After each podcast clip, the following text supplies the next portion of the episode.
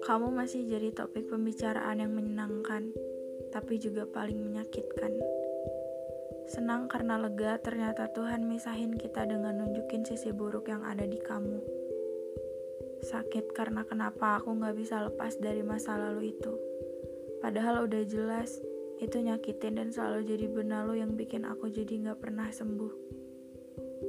Kalau sekali lagi aku dikasih kesempatan buat dipertemukan lagi sama kamu, Aku cuma mau nangis dan mukul kamu sambil bilang, "Kamu jahat.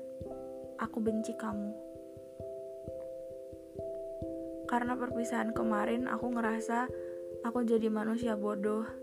Dengerin alasan kamu yang gak jelas dengan aku yang cuma bisa mematung dan pasrah nerima gitu aja. Aku naif waktu itu. Padahal aku tahu dan bahkan orang-orang tahu kamu yang salah. Dan seharusnya aku menyudahi semuanya, bukan kamu. Tuhan selalu baik dengan selalu mempertemukan aku sama cowok yang jauh lebih baik dari kamu. Tapi tetap mereka bukan salah satu obat yang ampuh untuk bikin aku sembuh.